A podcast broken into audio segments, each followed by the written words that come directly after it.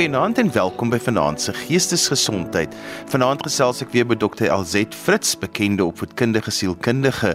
Vanaand gaan ons gesels oor ons kleiner mensies en ons gaan spesifiek praat oor geseksualiseerde gedrag onder ons kleiner mensies, natuurlik voorskoolse kinders. Alzet, wat bedoel ons met geseksualiseerde gedrag? Wat beteken dit in die konteks van voorskoolse kinders? Goeienaand Johan en die luisteraars dit ehm um, behels ons kinders wat begin skierig raak oor hulle eie liggaam en veral hulle geslagsorgane en nie net hulle eie nie maar ook die van die teenoorgestelde geslag. En ehm um, dit is my altyd interessant wanneer ek die oproepe kry van 'n voorskool, personeel by die voorskool of ouers met jong kinders en die benoudheid wat hulle ervaar wanneer hulle vir my sê maar die kinders het speletjies gespeel. Daai speletjies van wys my joune en ek wys vir jou myne of dokter dokter of huis huis. En uit die aard van die saak baie keer is daar vrese wat ouers het um, en ook uh, onderwysers wat daarmee gepaard gaan want dit is daai fyn balans tussen wat is normale eksplorering wat ons kan verwag wat tipies is vir kinders in 'n ontwikkelingsfase waar hulle nuuskierig is oor die wêreld om hulle die wêreld binne in hulle die wêreld tussen mekaar. En wat is gevaarligte wat vir jou sê daar dalk iets gebeur waaroor ek bekommerd moet wees? En en dat dit baie keer vir volwassenes 'n ongemaklike onder onderwerp is. Baie volwassenes is uiters ongemaklik om te praat oor hulle eie geslagsvoortplanting, seksualiteit, die uitleef daarvan en daarom skram hulle weg om met hulle kinders daaroor te praat En dan is dit vir baie keer 'n skok om agter te kom, maar my kind dra 'n bewussyn van hulle eie liggaam en 'n nuuskierigheid daaroor en oor ander se liggame en wat die funksies daarvan is. En dan kan ouers nie verstaan maar hoekom gaan soek die kind dalk iewers anders inligting of hoekom raak hulle betrokke by sekere speletjies. Elzet, wat is die tipiese tekens of gedrag wat kan dui op geseksualiseerde gedrag by voorskoolse kinders? Ek wil hier net eers daai woordjie geseksualiseerde gedrag want dit is half die implikasie van daar's iets onnatuurlik daaraan. En 'n mens moet 'n baie goeie onderskeid hier gaan tref tussen wat is normale seksuele eksplorering oor my eie liggaam en ander se liggaam en wat is die die gevaartekens van iets hier het moontlik gebeur. So ek sou eintlik graag net eers wil praat oor dit wat normaal is, dit wat ons kan verwag en hoekom. En dat ons dan oorgaan na wat is die moontlike gevaartekens dat iewers het iets met jou kind gebeur wat tot 'n onnatuurlike uitleef lei van 'n nuuskierigheid. So wat vir ons normaal is is om te weet dat vir al my seentjies op 'n baie jong ouderdom, selfs al so vroeg as 9 maande, kan bewus wees van hulle eie geslag geslagtelikheid omdat die manlike geslagsorgaan uitwendig is teenoor die vroulike geslagsorgane wat inwendig is. So die oomblik wat 'n 'n 'n peuter gemaklik hulle hande kan beweeg, balans het, hand in doek kan steek, kan al agterkom hy hier's ietsie wat baie lekker voel om aan te vat.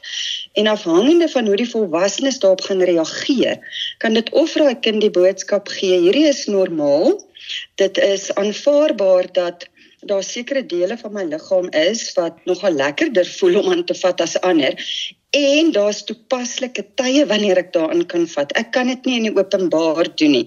Kan dit nie voor ander mense doen nie. Daar's daar's daar's 'n respek wat um, gepaard gaan met eksplorering van my eie liggaam en ook in interaksie met ander teenoor dogtertjies waar dit inwendig is wat nie noodwendig daai kennis gaan hê totdat hulle dalk byvoorbeeld 'n uh, siek geraak het, antibiotika gebruik het, dalk 'n infeksie opgedoen het of jeukerig was en dan begin hulle tussen hulle bene vat, hulle begin vryf, dit voel lekker en dan kom hulle agter my hierdie is vir my lekker. En dan weer eens hoe die volwassenes daarop gaan reageer.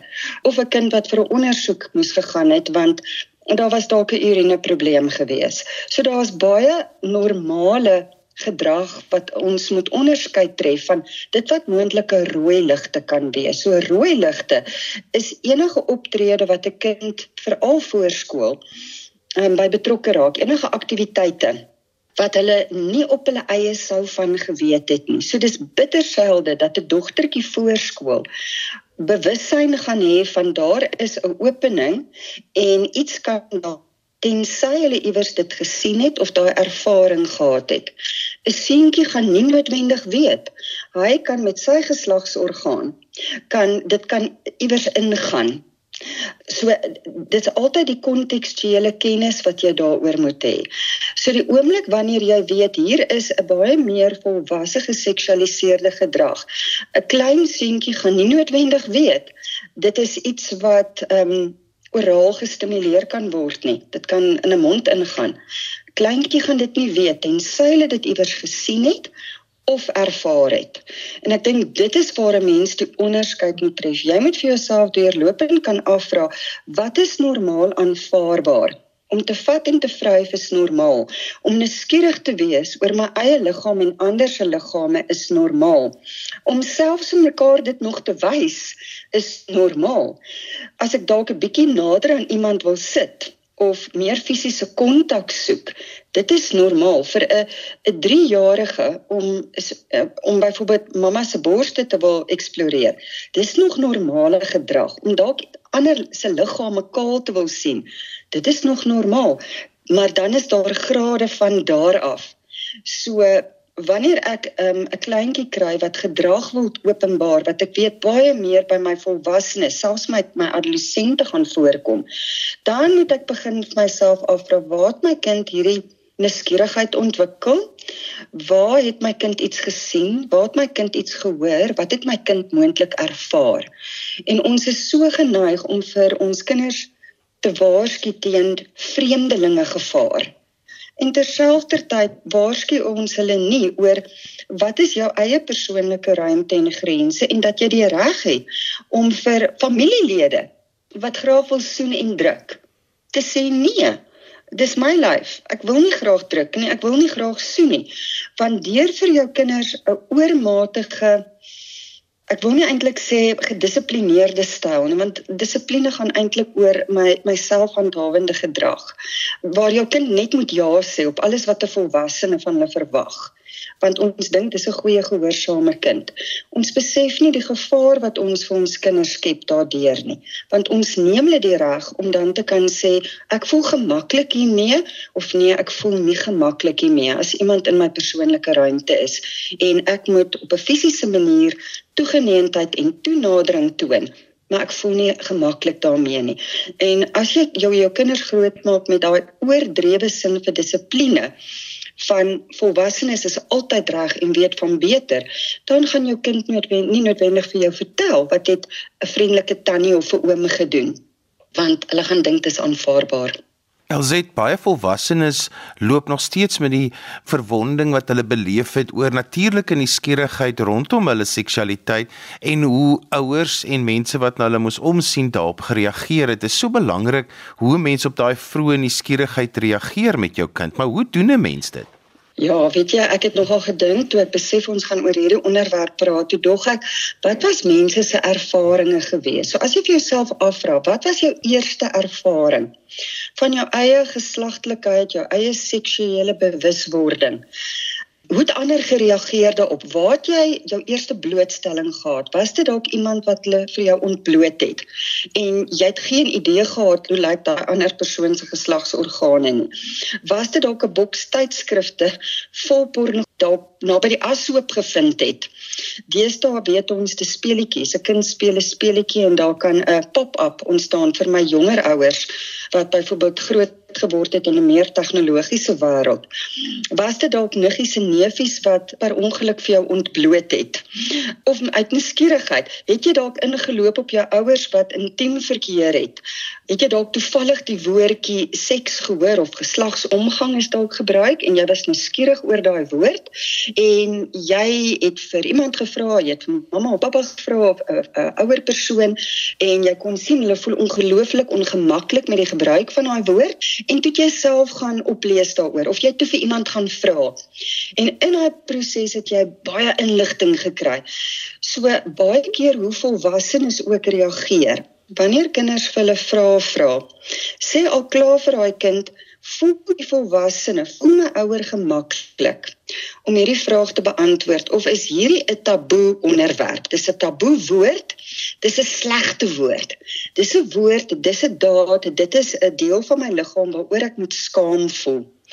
En ek beklemtoon altyd, dis my so belangrik dat ons praat baie keer vir my mense wat 'n spesifieke godsdienstige uitgangspunt het want jy maak jou kinders met respek groot vir die wonderwerk van lewe ons eie liggame ons menslikheid die skepping die natuur En dan terselfdertyd het ons hierdie gevoel van skaamte wat baie keer oorgedra is van 'n vorige generasie of of ouers wat ervarings gehad het wat hulle ongemaklik gelaat het in hulle eie unieke mens wees en voortplantingsvermoë en vermoë om genot te ervaar op 'n aanvaarbare manier in my eie liggaam. So ek dink wanneer ons begin met daai boodskap van respek vir die heelal, vir jou mens wees vir wat jou liggaam tot in staat is. So ons gebruik anatomies korrekte woorde vir meeste van ons liggaamsdele en tog wanneer dit kom by ons geslagsorgane op 'n baie vroeë ouderdom leer ons al vir ons kinders ontoepaslike taal gebruik En daarmee saam gee ons vir hulle daai boodskap: hier is ietsie vreemd. Hierdie is nie aanvaarbaar nie. Hierdie is ietsie waaroor ons nie praat nie. En so dra ons van een generasie na die volgende ene daai boodskap oor dat hierdie deel van jou liggaam is is ons praat nie daaroor nie. Jy moet skaam wees. Dis eintlik 'n slegte deel. En dit daai genereer daai aan die een kant nuuskierigheid want ons weet kinders is veral nuuskierig oor die goed waarvoor ons uh, vir hulle vir hulle vertel jy mag of jy mag nie. Moenie. Dit dit ja vir kinders is dit 'n wonderlike uitlok woord daai. Um, in plaas van om ons geslagsorgane te normaliseer jy noem die anatomie gebruik jy anatomies korrekte woorde en jy's baie neutraal in jou beantwoording van hulle vrae sonder om oormatige inligting oor te dra. So as 'n kind byvoorbeeld vir jou vra, "Waar kom babatjies vandaan?" Die babatjies ontwikkel in die mamma se baarmoeder. Dis waar hulle vandaan kom. En dan stop jy met jou antwoord. Indien jou kind 'n verdere vraag vra, dan beantwoord jy die, die volgende vraag, so eerlik en kort en bondig as moontlik op 'n neutrale manier sonder dat jou kind daai boodskap kry hierdie is 'n taboe onderwerp. Elset, wanneer my kind dan nie ouderdomsgepaste gedrag openbaar as dit kom by by seks, dan wat maak ek? Hoe hanteer ek dit want dit is ook belangrik dat ek dit dan nie op 'n negatiewe manier sal hanteer nie. Ongelooflik belangrik dat ouers baie rustig in daai oomblik moet wees, want afhangende van hoe jy gaan optree, Gee jy vir jou kind die boodskap? Nommer 1, ek kan nie hierdie onderwerp hanteer nie, so moenie met my hieroor praat nie. Nommer 2, dis terrible. En 'n ouer, veral my meer angstige ouers, spring dadelik tot 'n ekstreme gevolgtrekking van iets baie erg het met my kind gebeur en met jou reaksie en jou 20 vrae gee vir daai kind die boodskap hierdie is ongelooflik erg en jou kind kry op 'n nie-verbale vlak alreeds die boodskap ek gaan nie hieroor praat nie want hierdie is terrible. En baie keer is dit die ouers se optrede wat baie meer skade berokken as dit wat moontlik met daai kind gebeur het. Want die kind raak angstig aan die hand van die ouers se optrede en waar jy graag wil hê jou kind oop kommunikasie met jou moet behou dat jy eintlik kan agterkom, maar wat het gebeur? Was hierdie dalk 'n speletjie met 'n maatjie wat meer kennis het as jy? Um, of as jou kind was hierdie dalk met ouer niggies en neefies ouer boeties en sissies en kind het iets gehoor, iets gesien op materiaal afgekom wat nie ouderdomstoepaslik is nie. So ehm um, dit beteken nie noodwendig die die ergste het met jou kind gebeur in terme van seksuele molestering nie. Jou optrede kan egter maak dat jou kind gaan nie meer met jou kommunikeer nie. Jou kind gaan dalk die storie begin verdraai. Ons kinders is ongelooflik skerp veral op 'n jong ouderdom. En ek vind deesdae nog meer as van tevore na COVID se naderdraai met baie meer sensitiewe kinders. Hulle tel die nuances in ons stemtoon baie vinniger op en hulle kyk na ons gesigsuitdrukkings pyn ingestel daarop en wat jy graag wil hê is jy wil die kommunikasiekanale oop hou. Dat jy regtig kan agterkom wat het hier gebeur? Hoe gaan ons dit hanteer? Watse intervensies is nodig? Moet ek dalk met die voorskool um, personeel gaan praat om om meer inligting te kry? Moet ek my kind na 'n kundige toe vat want hier is onaanvaarbare gedrag. Dit affekteer my kind ook op ander vlakke, so my kind se slaappatrone is onderbreek my kind se eetpatrone, badkamergewoontes, gedrag, gemoedstoestand, so hoe meer jy kan agterkom die totaliteit van jou kind in hulle self, maar ook in konteks met ander, dat daar is veranderinge. Hoe meer weet jy, goed, hierdie is iets waar op ek regtig moet nou ingaan. Het iets gebeur wat wat nie aanvaarbaar is nie, wat vir my kind baie ongemaklik is. En jy wil in jou interaksie met jou kind, wanneer hulle die eerste keer vir jou iets sê of jy iets agterkom. Wil jy regtig so neutraal as moontlik wees? En as jy nie weet hoe om op te tree nie, dan bel jy gou 'n kind jy bel iemand wat vir jou kan sê hoe jy jouself nou net bymekaar gaan hou voordat jy gaan reageer. En dan vat ons dit van daar af. Laat ons regtig kan agterkom wat het gebeur? Wat is die die omvang van hierdie kind se kennis en watse ondersteuning het hierdie kind nodig?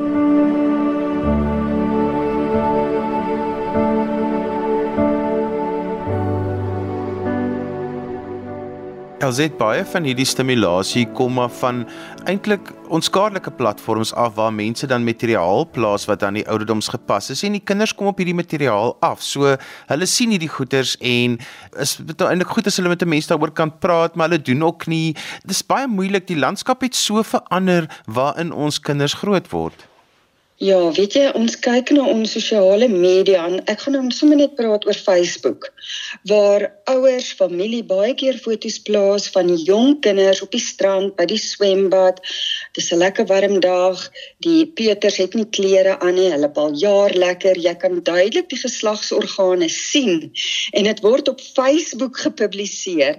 En kinders het moontlik toegang daartoe. Hulle sien dit. Dit word dalk op 'n sosiale groepie geplaas en in 'n oomblik wanneer 'n ouer 'n kind bietjie wil besig hou, gee vir jou kind jou foon.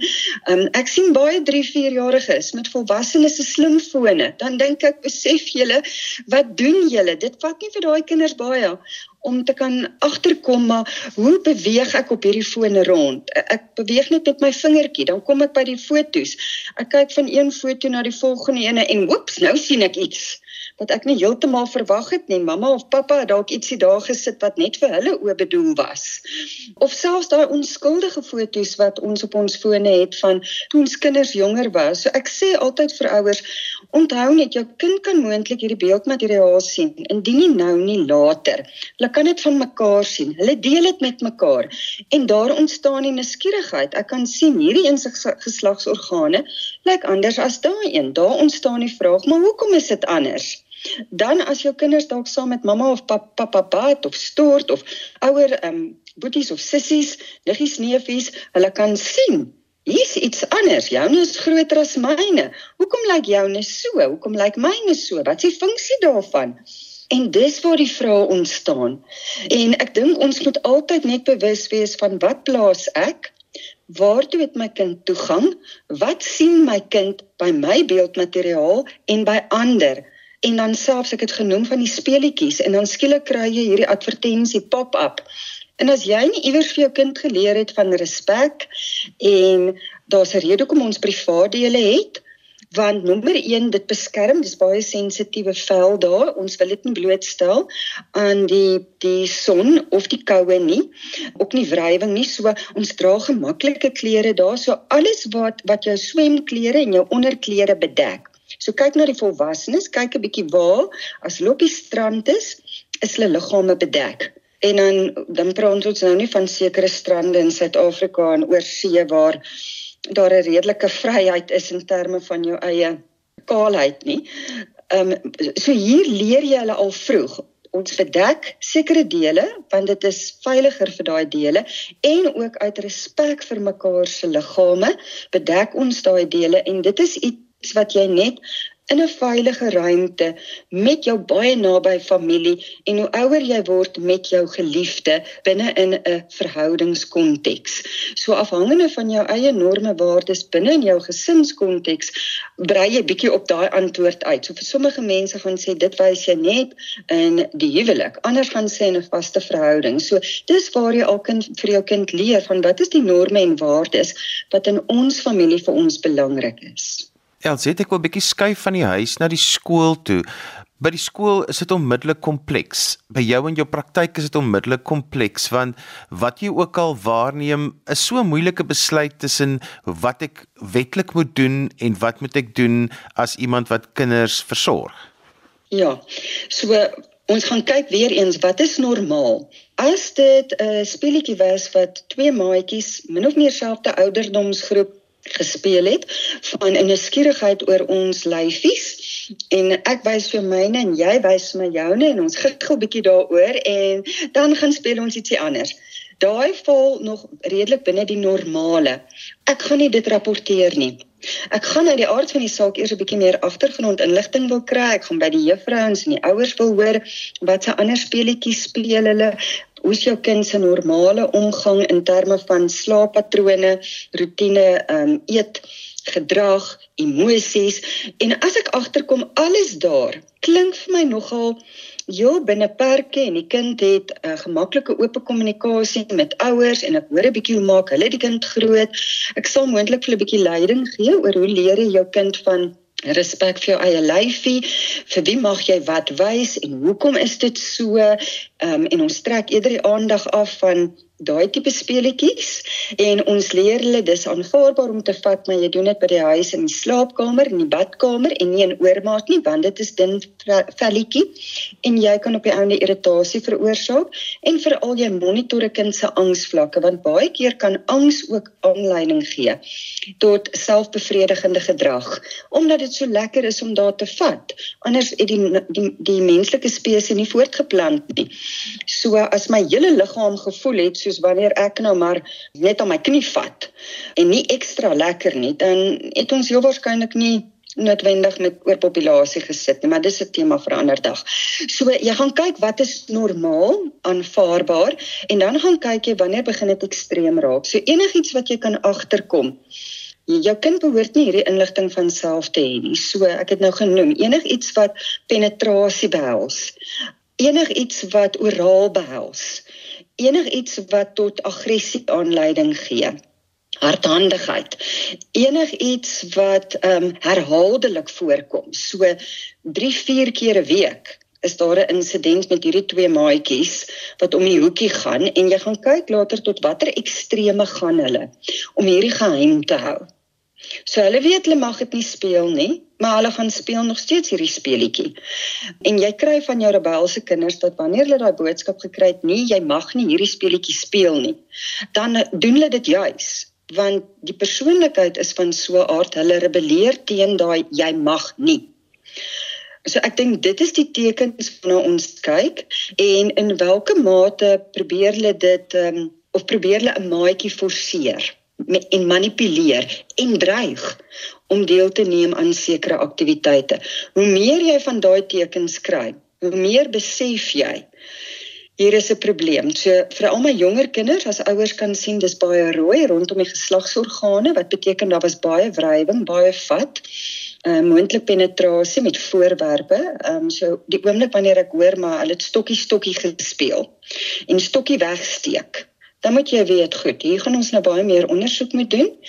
En ek kry eers gewoonlik 'n bietjie meer agtergrond van daai kind voordat ek net 'n saak gaan maak. Ek dink baie keer moet ons dit baie oordeelkundig hanteer. Ons weet wat vereis ons etiese optrede van ons en terselfdertyd moet jy ook kontekstueel daarna kyk want jy kan andersins net soveel skade doen as jy sonder um, 'n um, bietjie meer agtergrond net klagtes gaan indien. Daar's baie mooi inligting beskikbaar op die webwerf van Jelly Beans by J E L L A B E A N Z Jelly Beans en dis Edith Kriel en Marita Rademeier het baie mooi materiaal beskikbaar vir die publiek vir kleintjies, our bodies, um, ons liggame. Waar hulle ook visuele beelde wys en hoe, hoe kan jy op kinders se vrae reageer? En dit gee vir ons al klaar baie goeie 'n um, aanduiding en leiding oor hoe ekstreem gaan ek optree en ek werk sistemies. So ek praat met onderwysers Ek sal die kind dophou, ek praat met ouers en aan die hand daarvan besluit ons wat is die pad wat ons vorentoe gaan stap.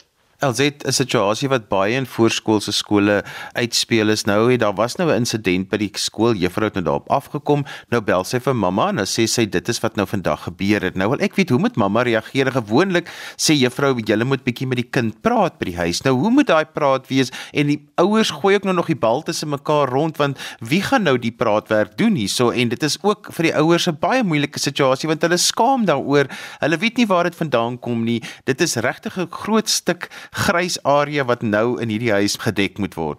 Ja, dit word 'n tamaletjie juis omdat die ouers so sensitief daaroor kan optree, um, afhangende ook van hulle gevoel teenoor hulle eie liggame, hulle eie seksualiteit en intimiteit en wat ook besig is om in die huishouding te gebeur.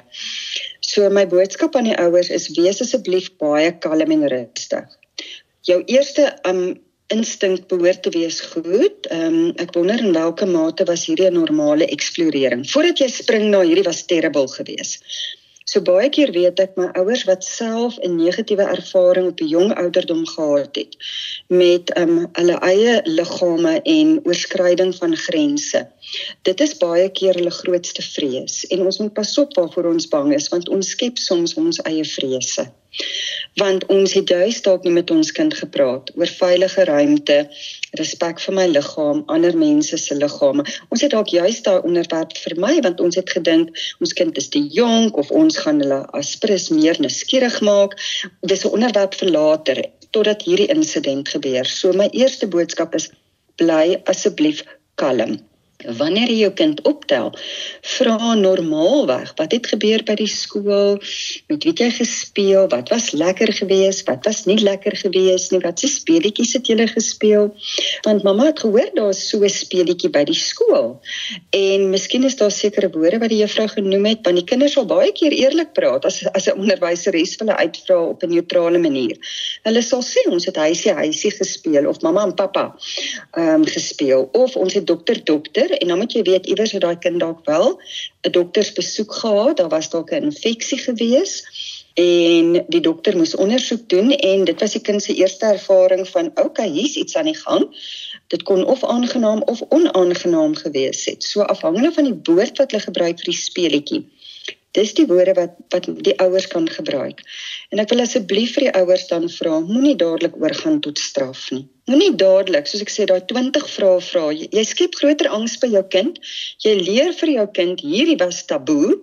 Van nou af gaan ek glad nie oor praat nie. Hierdie is sisa en lelik en my kinders wat pak kry hieroor. Ons besef nie altyd die skade wat ons daardeur berokken in terme van selfaanvaarding van my eie liggaam en moontlik latere seksuele verhoudinge. En ek dink vir elke volwassene wens ons eintlik 'n genotvolle, gemaklike, respekvolle seksuele lewe toe. Want daar's 'n rede hoekom ons liggame plesier ervaar op sekere maniere. Ons weet ook dis 'n uitstekende manier om angs te verlig binne 'n sekere veilige konteks. So wees asseblief baie versigtig hoe jy optree, hoe jy jou vrae vra en neem kennis van wat was moontlike traumas. Die voorafgaande, ek sê baie keer tot en met 6 maande, wat het vooraf gebeur? Hospitaliserings, siekte, dood, argumentering in die huishouding, spanning van die ouers. Wat het gebeur wat moontlik kon aanleiding gegee het? Tot hierdie speletjie of was dit net suiwer natuurlike eenmalig een keer speletjie? Neem ook jou kind se persoonlikheid in ag. Neem die ander kind se persoonlikheid ook in ag. Wat is die aantrekkingskrag tussen hierdie twee maatjies? En gee die nodige inligting oor respek vir lyfies, wat wys ons, wat wys ons nie en hoekom nie. En dan laat ons dit daar en ons monitor en ons maak seker ons wil eintlik nie ons jong kinders vir te lank alleen laat om op hulle eie te speel nie. Ons wil maar so oogie oor hulle hou. um, vir verskillende redes en dan weet ek baie keer by die kleuterskool sal hulle ekstra waaksaamheid openbaar en hulle sal attent wees op so kind se gedrag in die klas interpersoonlike verhoudinge met maatjies, emosionele regulering, badkamergewoontes, so hulle kyk ook sistemies na die kind om te kyk is daar iewers anders moontlike gevaarligte.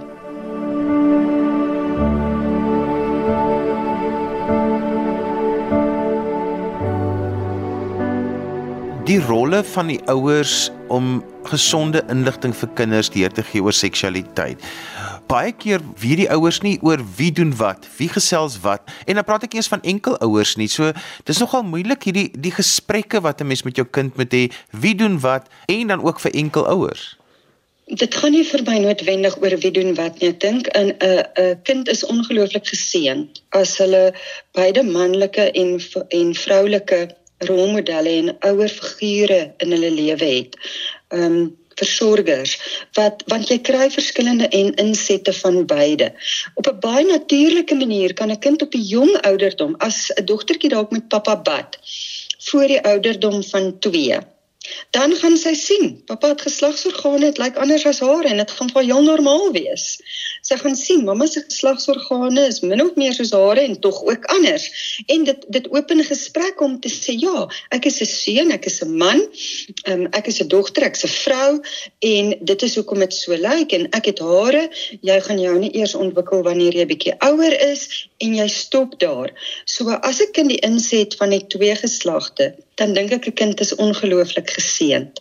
As dit 'n enkel ouer is of net een ouer wat daai taak moet doen, dan sê ek altyd die beste tipe gesprekke gebeur byvoorbeeld wanneer jy in die natuur is of selfs by die dieretuin. Ons kinders sien goed by die dieretuin en in die natuurreservaat en op natuurprogramme wat 'n wonderlike deur oopmaak vir hierdie tipe van praatjies. Hulle sien die een skilpad is bo op die ander skilpad. Mamma, pappa, wat maak die skilpaaie? Ek het nou die dag ouers gehoor wat sê nee, daai een is 'n bietjie moeg. Sy maatjie Abba hom so bietjie. Toe dog ek, okay, julle het hier nou dit mooi vrygespring. Miskien kon julle dalk gesê weet jy, dit is hoe skilpaaie hulle liefde vir mekaar wys. Maar dis net hoe skilpaaie dit doen. Want sjo, dit gaan darm nie lekker wees as as ons mekaar vir se liefde op daai manier wys nie. So maak jy so bietjie die deur oop vir 'n bewuswording van geslagtelikheid. Hulle is by die dieretuin, dan kan hulle sien. Sjo, die perde lyk verskillend, die olifante lyk verskillend. Hulle kan sien daar's goed wat hang. En dan kan jy vir hulle sê, ja, dis die mannetjie olifant se penis. Die wyfie olifant het nie 'n penis nie. End of story. Jy gebruik die korrekte anatomiese woord. Ehm um, as daar verdere vrae is, dan kan jy dit beantwoord. Maar dit is waar jy alreeds in die ou dae het ons gepraat van bytjies en blommetjies. In die ou dae het hulle vir ons geleer van geslagtelikheid, die die blommetjies en en die bytjies en ek stem saam daarmee en terselfdertyd sê ek vat dit dan net 'n stapie verder om te sê maar dis hoe dit by die menslike spesies werk. So ja, ek dink net kinders is bevoordeel as hulle inligting van twee kante af kan kry. Dit is nie net een ouer se verantwoordelikheid sou daar dalk twee ouers in 'n huishouding wees van verskillende geslagte. Elzet statistiek rondom misbruik van kinders in ons land is soos jy weet ongelooflik uh, traumaties en ongelooflik sleg. So wanneer mense geseksualiseerde gedrag dan nou by kinders waarneem, daai balans om te weet en en mens weet nooit nie. En daar's so baie volwassenes wat loop met hierdie ding van iemand het geweet maar niks daaraan gedoen nie. So daai balans tussen die twee dink ek is een van die moeilikste dinge om te hanteer. Ja, dit is want ons ons eerste gedagte is baie keer iets terrible het my kind met my kind gebeur. En ek het nou nog gesê meeste van hierdie misbruik van kinders geskied meeste van die kere in die gesinskonteks. Dit geskied met mense wat ons ken nie altyd die vreemdelinge nie. So mense wonder baie keer hoekom is ek gekant teen fisiese straf? En ek het nou die dag vir ouer gesê ek het nie noodwendig 'n probleem daarmee as jy een raps gee en dit laat geen merke nie. Maar die nadeel van ekstreme fisiese straf is jou kind raak bang vir jou as ouer. Jy dink jou kind's baie gehoorsaam, maar tussentyd is hy bang vir jou.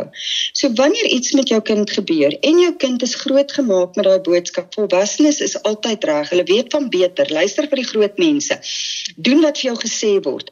Dan gaan jy 'n kind hê. Die Engelse woord is compliant dan gaan jy kind hê wat wat maar aanvaar. Dit dit is aanvaarbaar wat volwassenes aan my doen. Ek het nie die reg om nee te sê nie. Ek het nie die reg om um, teenoor iemand anders te gaan praat wat het 'n volwasse met my gedoen nie.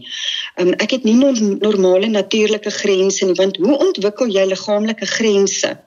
As jy elke nou en dan geklap, geslaan, gesambok paplepel totdat die paplepel breek of daar's blou merke. Hoe ontwikkel jy natuurlike grense in jou liggaam om te kan sê jy mag nie my lyfie seermaak nie. Jy mag nie aan my vat waar jy nie mag vat nie. Hoe ontwikkel jy dit as jy jou kind in vrees grootmaak? So ek dink dit het, dit gaan vanaf daai normale dissiplinering en strafstelsel tot eerbiedig jou vader en jou moeder. Wat beteken dit eintlik? Jy wil graag hê jou kind moet 'n vertrouensverhouding met jou hê dat wanneer iets gebeur wat vir jou kind ongemaklik is of selfs as jou kind iets aangevang het, dat jou kind nie daai vrees het jy gaan jou kind so slaan dat jou kind enigiets gaan doen sodat jy nie die waarheid moet uitvind nie. So hulle hulle begin vir jou jok want hulle is bang vir die gevolge. Terwyl jy as jy 'n oop verhouding met jou kind het, is die kanse baie groter dat hulle vir jou gaan kom sê. Maar hierdie oom, daai tannie, hierdie maatjie, ouer maatjie van boetie of sussie, niggie neefie, het dit aan my gedoen en dit was nie vir my lekker nie.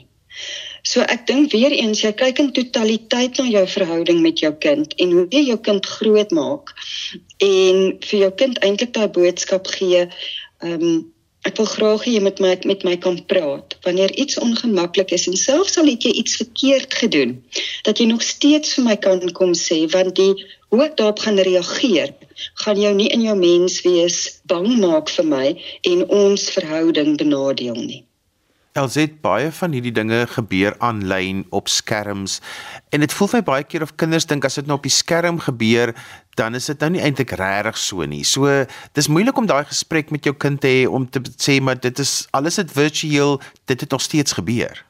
So ons weet dit val onder een van die kategorieë van seksuele misbruik van kinders is hoe ons hulle blootstel aan tegnologie. Of dit nou op jou eie foon is met jou eie beeldmateriaal en weer eens kinders is slim. Hulle hulle vind ouers se wagwoorde uit en hulle gaan op daai tegnologie in en ek het voorskoolse kinders wat dit kan doen. En dan kom hulle op allerlei persoonlike beeldmateriaal af en dit skadelik want dit seksualiseer jou kind op 'n onvanpaste manier afhangende van wat hulle sien. So ek het eendag 'n kind gehad op 'n jong ouderdom wat vir haar mamma gevra het wat is seks? En die mamma was heeltemal onkant gevang, nie geweet hoe om te reageer nie. Bietjie tyd probeer koop, gesê ek, ek antwoord jou net nou. En in daai tyd het die het die kind die woordjie gaan tik. So ons het voorskoolse kinders wat al sekere lettertjies ken en hulle kan dit op die skermpie gaan intik en dan gaan dit vir hulle by beeldmateriaal bring wat wat vir hulle um, inligting gee wat so ontoepaslik is. So teen die tyd wat ek hierdie kind gekry het, moes ek nie vra wat het jy gesien nie. Ek moes vra wat was jou die ergste wat jy gesien het. En toe was dit ehm um, waar die geslagsgemeenskap gepaard gaan met vasbind en fisiese pyniging. So dit was totaal en al onvanpas vir daai kind. So weer eens, wees bewus van die feit dat ons het op Netflix beeldmateriaal wat totaal en al pornografies is. En as jy nie goeie wagwoorde het en beperkings het op jou beeldmateriaal nie, kan jou kind toegang hiertoe kry. En as daai skakelaartjie eers aangesit is, as daai kind dit eers een keer gesien het, dan is dit daar. Jy kan dit nie wegvat nie. Jou kind het dan inligting gekry wat hulle nie moes gekry het nie. En ek dink daar ek wil ek wil ouers regtig attent maak daarop want toe ek rukkie terug vir ouers vra, weet julle wat is alles op Netflix? Toe sê die ouers my nee, hulle is nie bewus daarvan nie. Toe sê ek goed, ek wil graag hê julle moet net hierna gaan kyk. So ek wil graag net vir die volwassenes, die ouer figure attent maak daarop indien jy nie bewus is daarvan nie, weet net ons ons het vir kinders toegang gegee tot tegnologie wat net so gevaarlik is soos 'n geweer wat rond lê. Elzet, ek wil afsluit om te vra as my kind hierdie gedrag het en ons besef ons moet iets daaraan doen, nou gaan ons iemand soos jy sien wat 'n opvoedkundige sielkundige is om ons te help. Hoe werk die proses? Wat gebeur daar? Haal net vir ons 'n bietjie daai abstraksie en die onbekendheid daar uit, want dit is nogal vir mense traumaties om dan vir jou oor so iets te kom sien. Hulle sien jou maklik oor miskien leesprobleme en ander aanpassingsprobleme, maar oor hierdie is hulle altyd baie skaam om na jou toe te kom. Ja, so ek wil graag net eerstens vir die luisteraars sê die professionele mense soos ek en my kollegas of dit nou medies is, baie keer sal mense verkies om eers na die dokter toe te gaan, ehm um, of ons beraders. Ons is geskool, so ons gebruik die anatomies korrekte woorde. En ehm um, in my opleiding van my meestersgraadstudente en selfs die mense vir wie ek supervisie gee, ek lei hulle en ek leer hulle dat hulle nie meer blik en bloos as hulle sekere goed hoor nie, want ons moet gemaklik wees om daaroor te praat. As ons gemaklik is daarmee, dan is dit baie makliker om ons kliënte wat na ons toe kom, om hulle te kry om gemaklik te wees daaroor en dat dat die die mense wat dan ons kom raadpleeg asseblief eerlik moet wees oor wat is hulle eie ervarings gewees rakende seksualiteit? Want hoe vinniger die professionele persoon weet wat is die die ouers se uitgangspunt? Wat is die ouers se ervarings? Wat is hulle vrees? Hoe vinniger weet ons hoe om ons hoe, hoe ons dit kontekstueel kan aanspreek en wat se ondersteuning wat die ouers en die kind en ook by ouende ook die skool nodig het. So baie keer sal ek inligting kry wat verband hou met ander traumas. Het sy die kind sinne of die ouers sin wat moontlik 'n rol kon speel op die kind se huidige optrede. En baie keer is dit byvoorbeeld dat daar spanning in die huis, daar's moontlik argumentering tussen ouers, daar's 'n moontlikheid van egskeiding, daar's 'n buiteegtelike verhouding. Daar is alkoholisme. Ek kry baie keer ander inligting ook wat vir my ongelooflik belangrik is dat ek vir die kind maar ook vir die ouers die nodige leiding en ondersteuning kan bied. LZ, kom ons som op. Wat sê ons vanaand oor geseksualiseerde gedrag by voorskoolse kinders? Wat is ons boodskap? Onderskei wat is normaal teen wat is moontlike rooi ligte en wees gemaklik met die wonderwerk van 'n liggaam en um, gee vir jou kind die inligting aan die hand van die vraag wat hulle vra. Ehm um, en waak teen jou eie wegskram daarvan. Ek het vanaand gesels met Dr. LZ Fritz, bekende opvoedkundige sielkundige. LZ, as mense met jou verder wil gesels of hulle wil bietjie meer inligting hê, hoe kan hulle met jou kontak maak? Hulle kan vir my kontak per e-pos e l z e t t e f r i t z 1@gmail.com. En daarmee is gekom aan die einde van vanaand se geestesgesondheid. Onthou jy kan weer na vanaand se program luister as 'n potgooi. Laai dit af by resgep.co.za. Skryf gerus vir my 'n e e-pos by Johanvanlull@gmail.com en onthou daai Johan het net een N. En daarmee groet ek dan vir vanaand. Kyk mooi na jouself. Tot volgende keer van my Johan van Lill. Totsiens. thank you